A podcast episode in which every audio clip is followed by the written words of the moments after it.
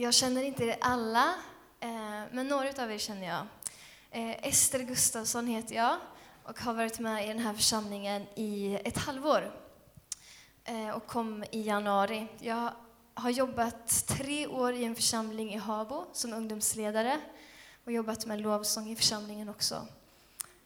Och under de här tre åren så har Gud gjort så mycket i mitt liv och verkligen talat till mig. Och något av det som han har talat oh, jag blev alldeles känslig. Men något av det han har talat och arbetat med mig så eh, ska jag dela med mig utav idag. Och jag hoppas verkligen att, eller jag känner att Gud vill verkligen tala ut det här till människor idag.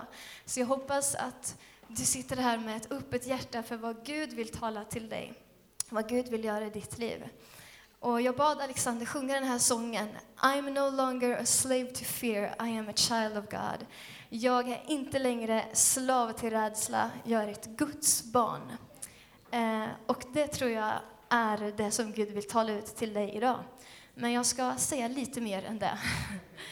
eh, ja, efter de här tre åren i Habo så eh, Ja, under den här tiden så talade Gud till mig om att börja läsa. Eh, så i höstas så började jag läsa en utbildning som heter ALT. Eh, och det är en pastorsutbildning. Och I den här utbildningen så ska man även ha en utbildningsförsamling. Och från och med januari så blev den här församlingen där. Jag kände att eh, det finns någonting i den här församlingen som, eh, som, som på något sätt drog mig hit. Det finns ett fantastiskt gäng med människor som älskar Jesus och som vill att människor här i Skövde ska få ett förvandlat liv. Och jag bara kände att det vill jag vara med på. Det vill jag verkligen vara med och se, eftersom Skövde är min hemstad också. Ehm, och eh, sen så började jag plugga och som sagt så blev det här min utbildningsförsamling och, eh, och Sven eh, som är pastor här är min mentor och ehm, jag är så tacksam över möjligheten att få tala till er idag.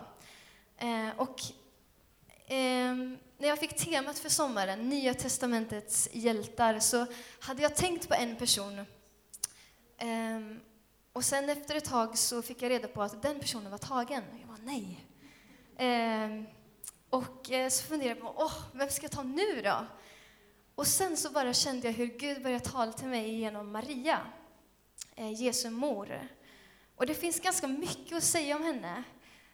Um, och jag kommer göra några neddykningar i hennes liv utifrån Jesu liv.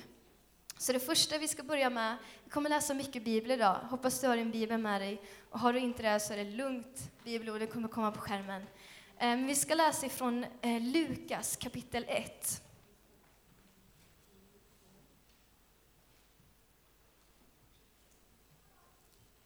Lukas kapitel 1, vers 26 till 38.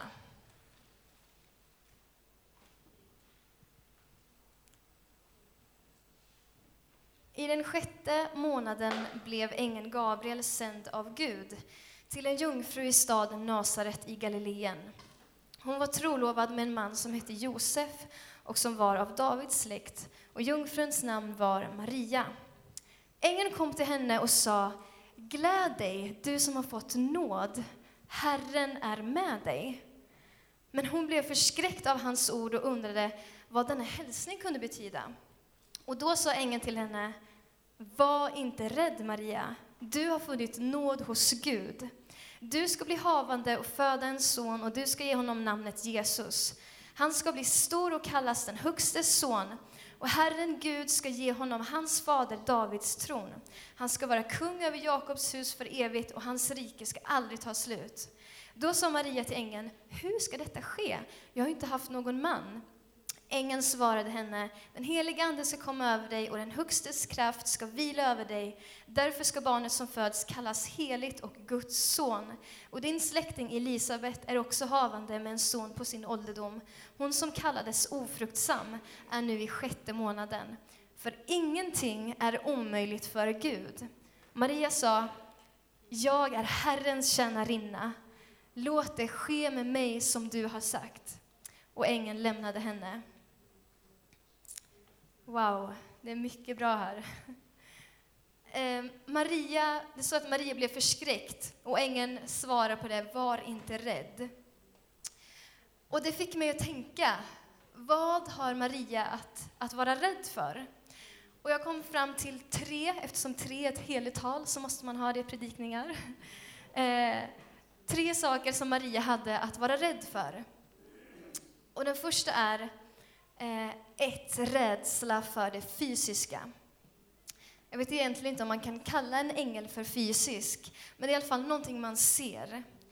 Ehm, och jag vet inte hur du skulle reagera eh, om du såg en ängel. Jag tror inte att jag själv skulle vara så jättelugn, jag skulle nog bli jätterädd. Ehm, när jag var yngre så talade jag och mina vänner mycket om änglar. Det var så spännande. Det var liksom en skräckblandad förtjusning. Man, man förstod inte, men, men man fick höra berättelser om eh, människor som har fått möta änglar. Och en av min kompis mamma, hon, hon, berätt, hon hade läst någon bok och hon, ofta så berättade hon sådana berättelser för oss. Och vi tyckte det var så spännande. Ehm, och jag kommer ihåg samtidigt som det var så spännande så, så var jag också lite rädd. Jag bad. Jag kommer ihåg att jag bad till Gud, bara, Gud, jag ber att jag inte ska få se en ängel, för jag känner mig inte redo för det just nu. Det finns många saker som kan eh, skapa rädsla i våra liv. Och jag tror inte att rädsla är något bra för oss. I Markus 5.36 så säger Jesus, var inte rädd, bara tro. Det är som om motsatsen till rädsla är tro. Eh, I den här berättelsen så handlar det om synagogeföreståndaren Jairus. Hans dotter är mycket sjuk. Eh, och han kommer och ber att Jesus ska komma hem till honom och lägga händerna på henne. Under tiden så kommer en kvinna och sträcker sig efter Jesus manteltofs bara för att få bli helad, och hon blir helad. Eh, och sen så kommer människor och säger till Jairus att det är ingen idé att Jesus kommer, flickan är död. Och de talar otro in i Jairus liv. Men så säger Jesus, var inte rädd, bara tro. Var inte rädd, det nämns över 30 gånger i Bibeln. Och då har jag inte räknat med frukta inte eller var inte förfärad. Alltså det nämns ganska, ganska många gånger, just det här uttrycket, var inte rädd. Och jag tror att Gud vill säga någonting med det. Um, nästa punkt är rädsla för ett övermäktigt uppdrag. Maria kunde blivit jätterädd för det här uppdraget som hon fick. Det var ganska, det var ganska stort. Men det som slår mig när jag läser det här, det är att ängeln frågar inte om det är okej okay att, att vi gör så här. Utan Gud har utvalt Maria. Och hennes respons på, på det här, det är helt fantastiskt. Det handlar liksom inte någonting om henne, utan hon litar fullt ut på Gud. Hennes respons är, är inte, nej, nej men inte ska väl jag. Nej men jag kan ju inte. Jag, jag har inte några barn sedan tidigare jag, jag är inte ens gift. Jag är jätteung. Det var inte hennes respons. Hon verkade mest förundrad över hur det skulle ske. Och när ängeln svarar att, den, att det är den helige Ande som ska ge nytt liv i henne så säger hon i vers 38 Se, jag är Herrens tjänarinna, låt det ske med mig som du har sagt.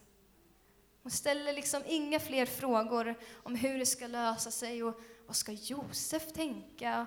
Utan hon litar helt och fullt på Gud, att han har kontroll. Hon inser vad hennes del av uppdraget är och hon inser också vad Guds del är. Visst är det lätt att ibland ta på sig en liten för stor uppgift än vad man har fått. Det är som, man, som att man tror att, att man är Gud själv och att man ska fixa allting själv. Men så länge vi tror att vi ska klara allt själva så kommer vi bara köra slut på oss själva. När vi istället kan överlämna allting i, eller överlämna Guds del i hans händer. Vi behöver inte vara rädda. Precis som Maria inte var rädd för uppdraget som hon fick av Gud. Och den tredje rädslan är rädsla för offentlig skam. Maria var som sagt inte gift. Hon var trolovad med Josef. Och på den här tiden så var en förlovning lite mer än, än vad den är idag. Om du skulle bryta en förlovning så var du tvungen att skilja dig, att, eh, att liksom skriva ner på papper att, att, eh, att ni skulle skiljas, att ni skulle bryta förlovningen. Och det var precis det som Josef faktiskt var på väg att göra.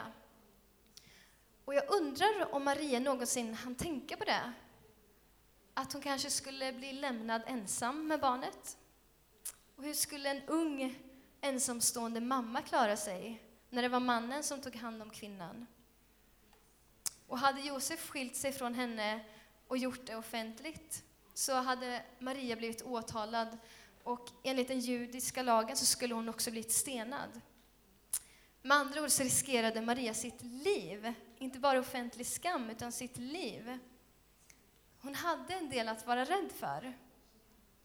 Men en ängel kom till Josef och talade för honom vad det var som skulle hända. Och Josef gifte sig med Maria och hon födde kungars kung. När vi har fått ett uppdrag av Gud eller ska gå in i någonting nytt så är faktiskt den naturliga responsen att, att bli förskräckt, att bli rädd. Men vad händer med oss när vi låter rädsla styra oss? En bra bild på det här är eh, när Israels folk ska inta det förlovade landet. Eh, Mose han skickade tolv spejare, varav två eh, som var Kaleb och Josua. De var de enda som var positiva till, till att inta landet. Men de tio andra de sa att de inte trodde att vi skulle klara av att inta landet. Eh, städerna de var stora, de hade stora murar. Och till och med människorna där, de var resliga och såg mäktiga ut. Och folket lyssnade på den här majoriteten, de här tio personerna, och de blev rädda. Och de litade inte på Guds ord, de litade inte på det Gud hade sagt. Och det slutade med att en resa som skulle ta, lyssna här, en resa som skulle ta elva dagar, den tog 38 år.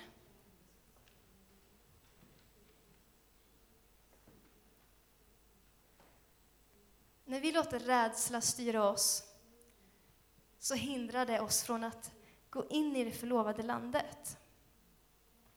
Rädsla kan till och med hindra oss från att göra Guds vilja. Rädsla hindrar oss från att bli den som Gud har kallat oss att bli. Och som Alexander sjöng, I'm no longer slave to fear, I am a child of God. Jag är inte längre slav till rädsla, jag är ett Guds barn. Och som ängeln sa till Maria, Herren är med dig. Frukta inte.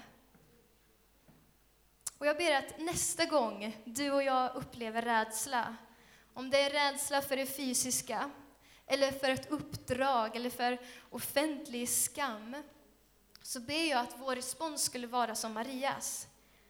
Hon säger att jag är Herrens tjänarinna. Må det ske med mig som du har sagt. Han är med mig och jag är inte rädd. Eller som Kaleb sa när de kom tillbaka efter att de bespejat landet. Då sa han så här, låt oss genast dra dit upp och inta landet. Sannerligen, vi kan göra det.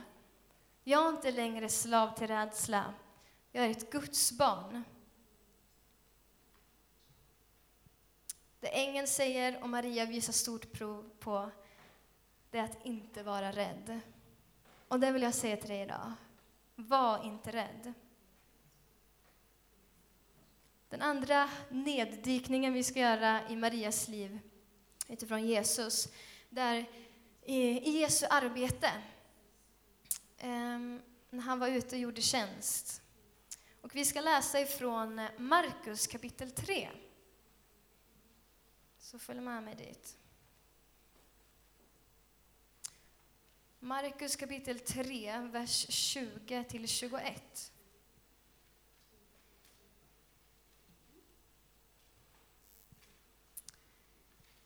Det står så här.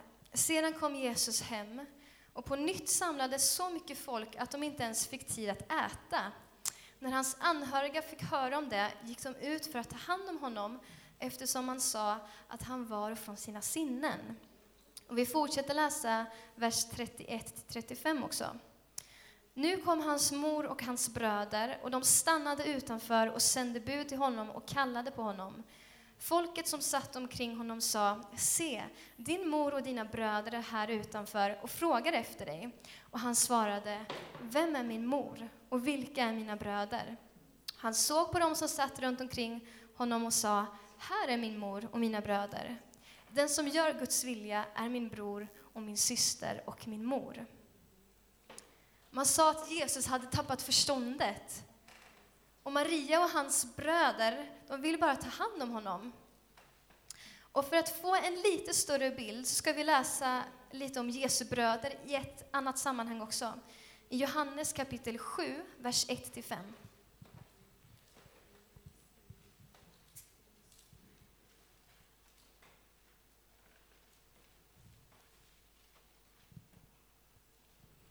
står det så här. Därefter vandrade Jesus omkring i Galileen.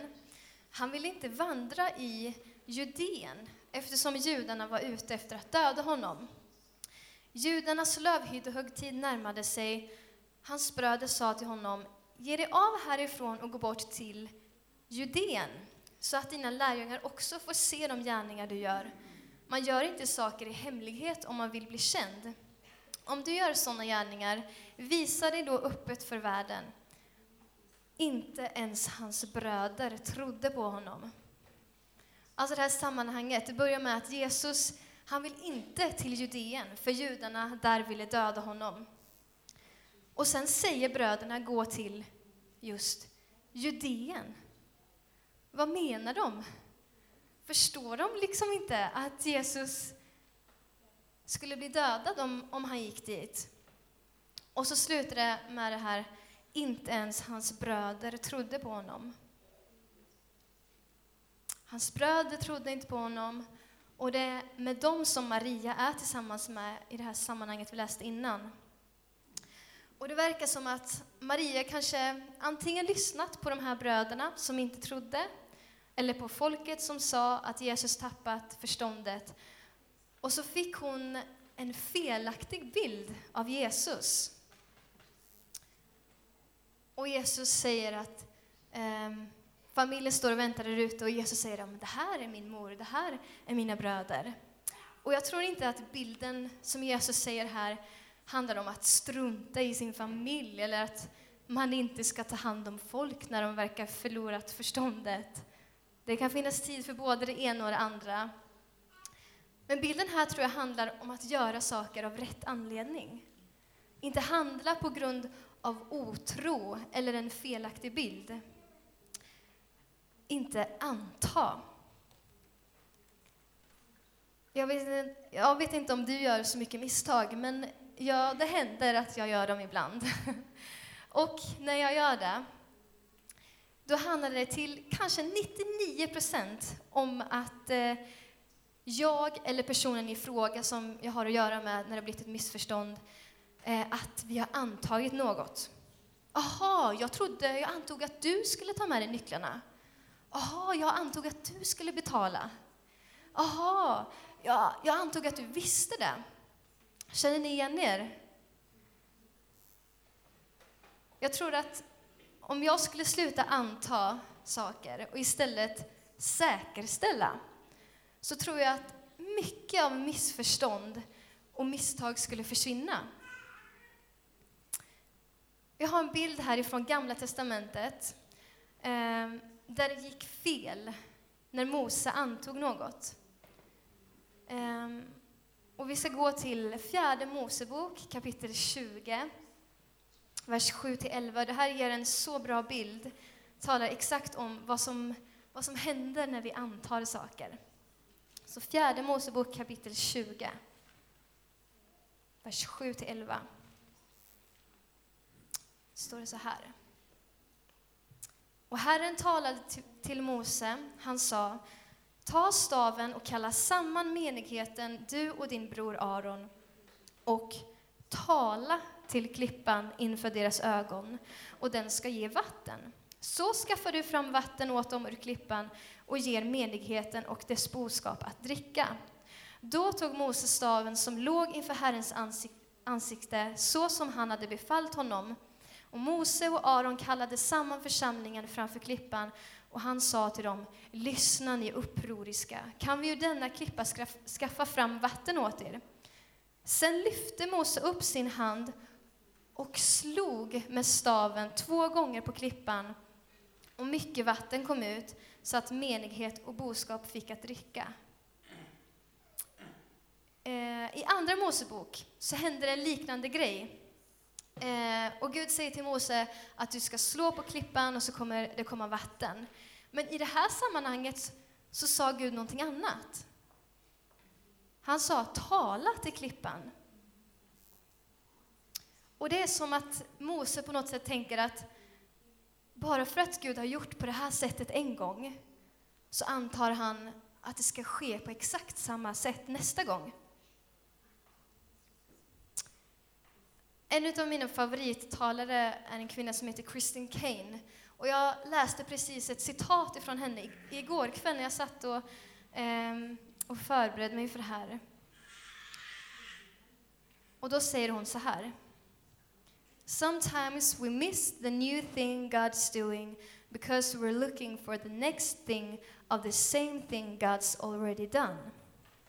Alltså, ibland missar vi det nya som Gud gör bara för att vi letar efter nästa sak av samma sak som Gud redan har gjort. Vi hoppar tillbaka till Mose och läser vers 12. står det så här. Men Herren sa till Mose och Aron, eftersom ni inte litade på mig och inte höll mig helig, alltså eftersom ni inte litade på mig och inte höll mig helig inför Israels barns ögon, därför ska ni inte få föra denna församling in i det land som jag har givit dem. När vi antar, när vi börjar anta saker, då litar vi inte längre på Gud. När vi antar så hindrar det oss från att gå in i det förlovade landet. När vi antar så kan vi missa det nya som Gud gör bara för att vi tror att han ska dyka upp på samma sätt som han har gjort förut. Och jag tror att Gud vill säga, anta inte, utan lita på honom. Var inte rädd, Herren är med dig. Och det tredje sammanhanget vi ska dyka ner i, det är vid Jesu död och vid hans uppståndelse. Vi ska läsa Matteus 27.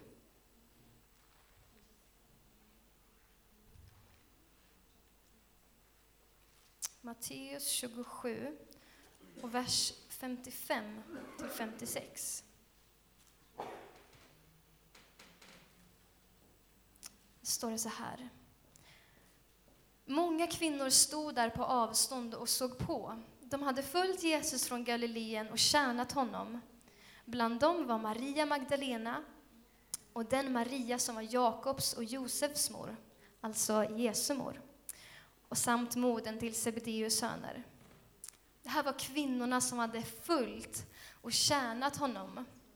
Maria hade varit en av dem som hade följt och tjänat honom, alltså sin son.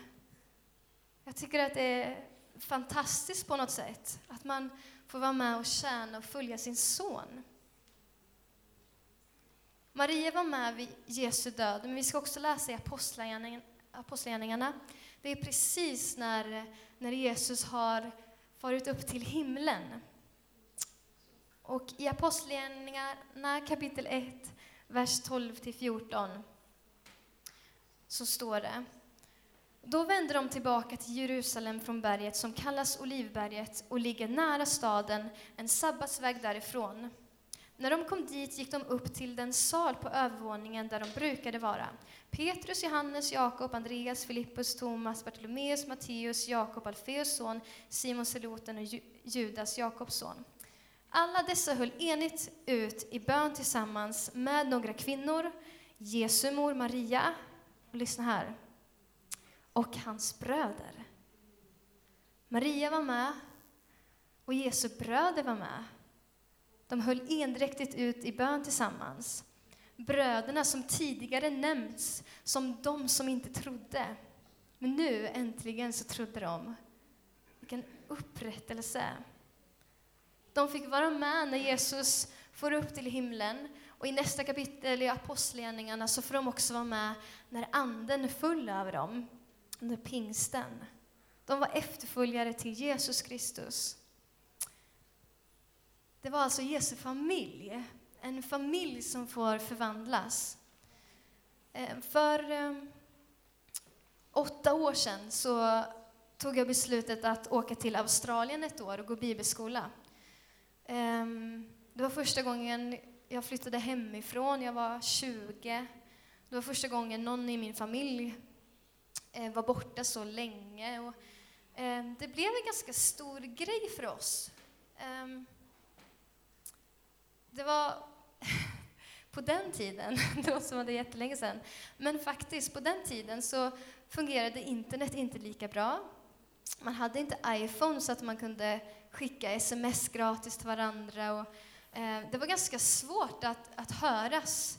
Jag använde Skype typ två gånger, men internetet var så dåligt så det bara bröts hela tiden.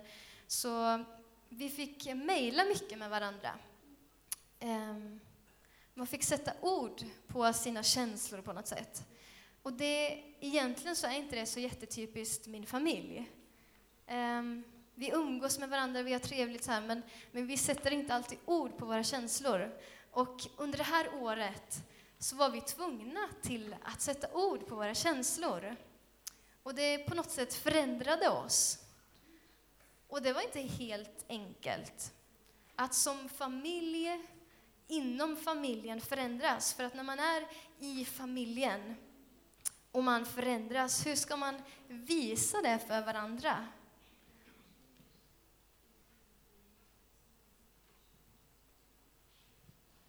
Jag tror inte att det var helt enkelt för, för bröderna, för Jesu bröder. Men de vågade. Det handlar, jag tror att det handlar mycket om rädsla. När man inte vågar förändras i de människorna som man är närmast. Men de vågade förvandlas. Och de fick bli efterföljare till Jesus Kristus. I somras så fick jag möjligheten eller jag har möjligheten att få jobba på ICA Maxi. Jag jobbade där för fem år sedan tror jag. Och då hade jag jobbat ja, fem år tror jag. Um, och när jag kom tillbaka nu så var det inte jättemycket som hade förändrats. PLU-koderna, det här när man slår in frukten, de flesta var samma och jag insåg att efter en dag så bara satt de. Jag, jag, jag kommer ihåg det och men någonting som hade förändrats, det var att ungefär en tredjedel av personalen hade bytts ut. Eh, och ungefär en tredjedel av personalen var åtta år yngre än mig själv. Eh, färska ifrån, eh, ifrån gymnasiet och ja, några hade väl jobbat där ett par år. Och det var speciellt, två personer som, eh, som jag inte kände igen men eh, som hade jobbat där ett tag och så, så började de säga till mig vad jag ska göra. Och jag var, ja, alltså jag har jobbat här ganska länge. Du vet inte det, men jag vet det. Och så blir jag sådär lite småirriterad. Jag måste ju erkänna det här nu. Men det här är så bra bild, så därför delar jag med mig av det här. Efter ett tag så inser jag att de här personerna, de är faktiskt ganska trevliga. Eh, och att de här två personerna har faktiskt fått mer befogenhet än vad jag någonsin har fått på Maxi. Och eh, jag inser liksom att enda rätta, det är att svälja min stolthet och göra vad de här personerna säger åt mig. Jag kan inte bara vägra. Och på ett sätt tjäna dem, vilket inte alltid är enkelt. För som sagt, jag har ju jobbat där längre än vad de har. Men de har fått mer befogenhet. Och därför får jag vara med och göra det bästa jag kan för att de ska göra det bästa som de kan göra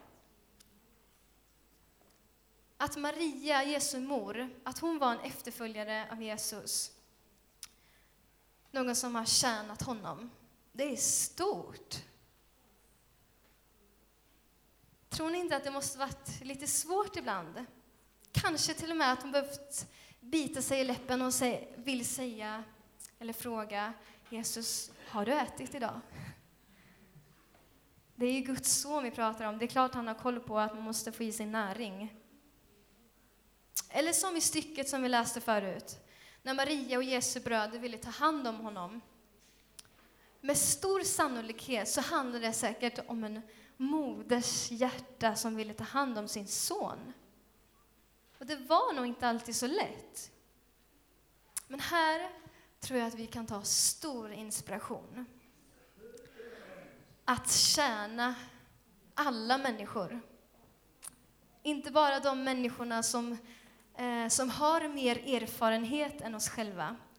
Jag fick möjligheten att följa med till pingstrådslag och vid en middag så, så hamnade jag vid ett bord bland eh, människor som jag verkligen ser upp till. Pastorer som, eh, som gör ett fantastiskt arbete. Och jag satt med min telefon och tog anteckningar, för de sa så bra saker. Och det var, det var inte svårt. Det är inte svårt att följa sådana människor. Det är inte svårt att ta in vad de säger och ta anteckningar. Men det kan vara svårt att tjäna, att följa någon som kanske inte har mer erfarenhet än mig själv.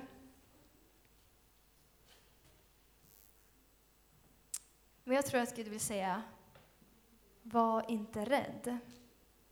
Herren är med dig.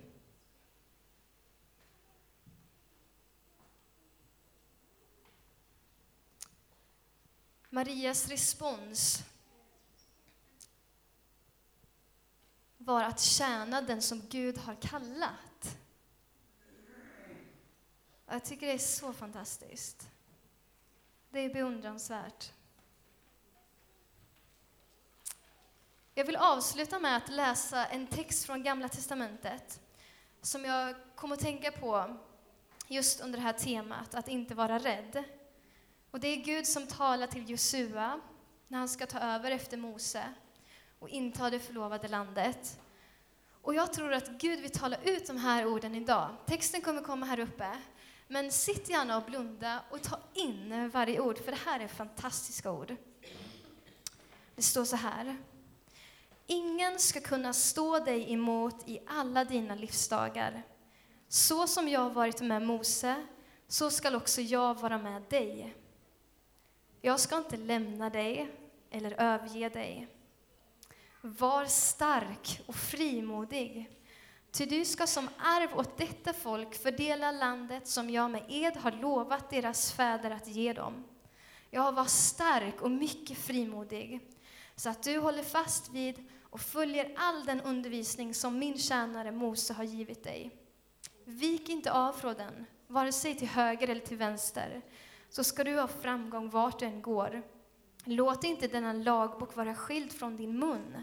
Tänk på den dag och natt, så att du håller fast vid och följer allt som är skrivet i den. Då ska du lyckas i det du företar dig och då ska du ha framgång. Har jag inte befallt dig att vara stark och frimodig. Var då inte förskräckt eller förfärad, ty Herren, din Gud, är med dig vart du än går.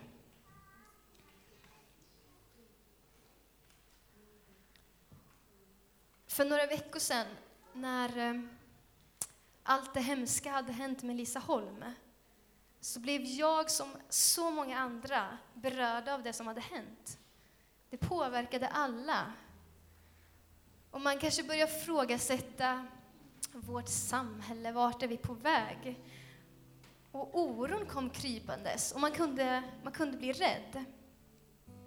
En dag så cyklade jag på väg till jobbet förbi Livets brunn och det var massa blommor och massa ljus. Um, och då påminnes jag om, eh, om Lisa. Samtidigt så lyssnade jag på på den här sången som Allen sjöng förut. Jag är inte längre slav till rädsla, jag är ett Guds barn.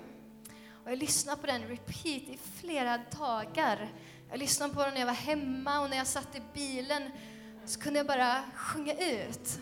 För jag kände att det här hemska som hade hänt, att det inte skulle få, få påverka oss på ett negativt sätt. Att vi skulle öppna upp oss för rädsla, utan att påminnas om att vi är Guds barn. Och vi ska göra på ett lite eh, annorlunda sätt idag. Om du känner att Gud har talat till dig genom de här orden, ehm, så ska vi bara få sjunga ut den här refrängen som Alexander sjöng förut. Och den är på engelska och texten kommer finnas där. I'm no longer a slave to fear, I am a child of God. Som Alexander sa förut, att ibland så kanske man får sjunga ut, tala ut någonting över ens liv. Det kanske inte ens har kommit än, man får bara sjunga ut det. Och jag älskar att vi får göra det här tillsammans. Det är det vi som församling, det är det församlingen handlar om, att vi får växa och komma nära och sjunga ut eh, ord över våra liv. För det här med, med rädsla, jag tror inte det, det handlar inte bara om mitt personliga liv. Jag tror att det handlar om att få se människors förvandlade liv här i Skövde. Jag tror att när vi släpper rädsla, när vi släpper oro och litar på Gud, då kommer folk att få förvandlade liv. Då kommer vi få se ännu fler människor få möta Jesus och döpas in i hans familj. Och vi får göra det här tillsammans. Eh, så vi ska göra så att vi reser på oss